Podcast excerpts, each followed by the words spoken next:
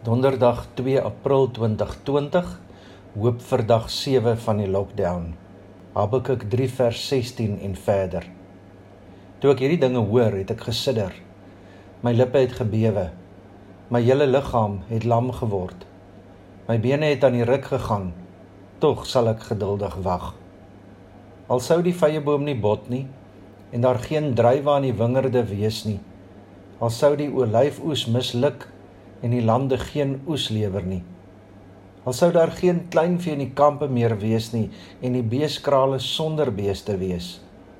Nogtans sal ek in die Here jubel, sal ek juig in God my redder. Die Here my God gee vir my krag. Hy maak my voete soos die van 'n ribbok. Op hoë plekke laat hy my veilig loop. Ek besef net weer dat ons nog nie regtig 'n denkskuif kan maak nie. Ons leef in die sogenaamde na-moderne tyd of soos wat baie mense dit noem, midde in die tegnologies beheerde tyd.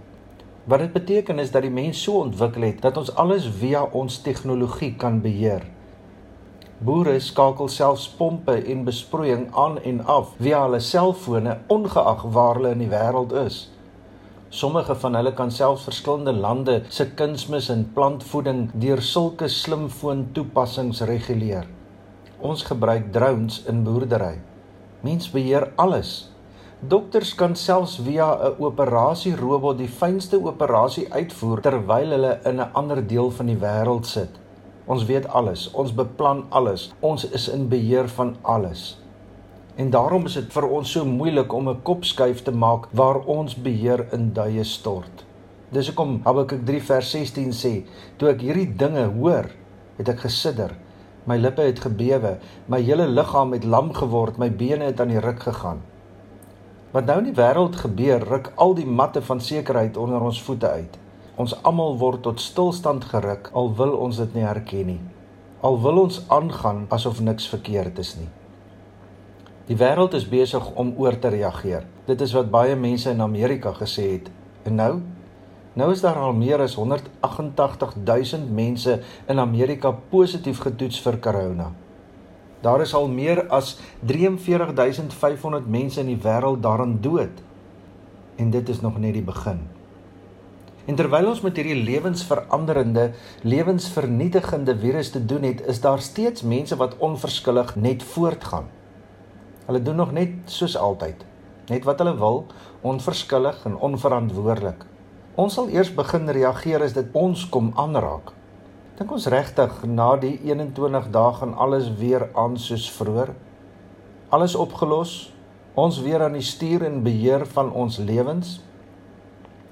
Toe ek hierdie dinge hoor, het ek gesidder. My lippe het gebewe, my hele liggaam het lam geword, my bene het aan die ruk gegaan. Vrees, onsekerheid, vra, twyfel, ongemak, negativiteit, hierdie en baie ander emosies borrel in mense se gemoed. As daar maar net en mense vra, wat is die hoop in hierdie omstandighede? Dat alles weer volgens ons standaarde sal regkom? As daar maar net. Nee, hoop is dat ons 'n denkskuif moet maak van as daar maar net na alsou. Alsou die vyeboom nie bot nie. En al sou daar geen druiwe aan die wingerde wees nie, al sou die olyfoes misluk en al sou die lande geen oes lewer nie, al sou daar geen kleinvee in die kampe meer wees nie en al sou al die beeskrale sonder beeste wees. Hier word die donkerste prentjie ooit geskilder. Habakuk sê dat al sou alles waarvan ons afhanklik is misluk, is dit nie die einde nie. Ons hoop is nie in hierdie dinge gefestig nie en ook nie in ons eie beheer nie. Wat is ons hoop? Habakuk sê: "Nogtans sal ek in die Here jubel, sal ek juig in God my redder. Die Here my God gee vir my krag. Hy maak my voete soos die van 'n ribbok, op hoë plekke laat hy my veilig loop." Ons lewens word nie gevorm deur ons omstandighede en deur ons wêreld nie, maar deur ons God. Hy is my redder, hy gee my krag, hy is my krag, hy bring my voete in beweging. Hy laat my op hoë plekke veilig loop. Luister mooi. Habakuk het volgens sy wêreldse standaarde geen hoop nie. Hy het alles verloor. Tog kry hy alles wat hy nodig het by God en gee God vir hom lewensenergie. En daarom moet ons nie begin by die punt waar ons alles verloor het nie. Ons moet begin by die punt waar ons besef wat ons het. Die mense rondom jou, die mense wat jou liefhet en vir wie jy liefhet, die mense wat hier naby jou hart is, al is hulle fisies ver, die mense wat jou liefhet en vir wie jy liefhet, maar die belangrikste jou God. Die God wat jou liefhet. Hy het jou nog meer lief as wat jy die mense rondom jou liefhet. En daarom sê Habakuk, al het ek niks anders nie, nogtans sal ek in die Here jubel, sal ek juig in God my redder. Here skenk aan my u genade. Lig waar ek nie donker sien, moed waar ek vrees, hoop waar ek wanhoop, vrede waar my gemoed storm, vreugde waar ek hartseer is, krag waar ek swak is, wysheid waar ek verward is, sagtheid waar ek bitter is, liefde waar ek haat.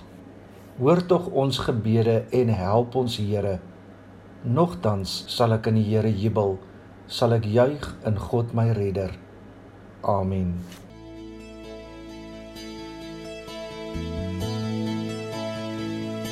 Alsou dan ook die vye boom nie bot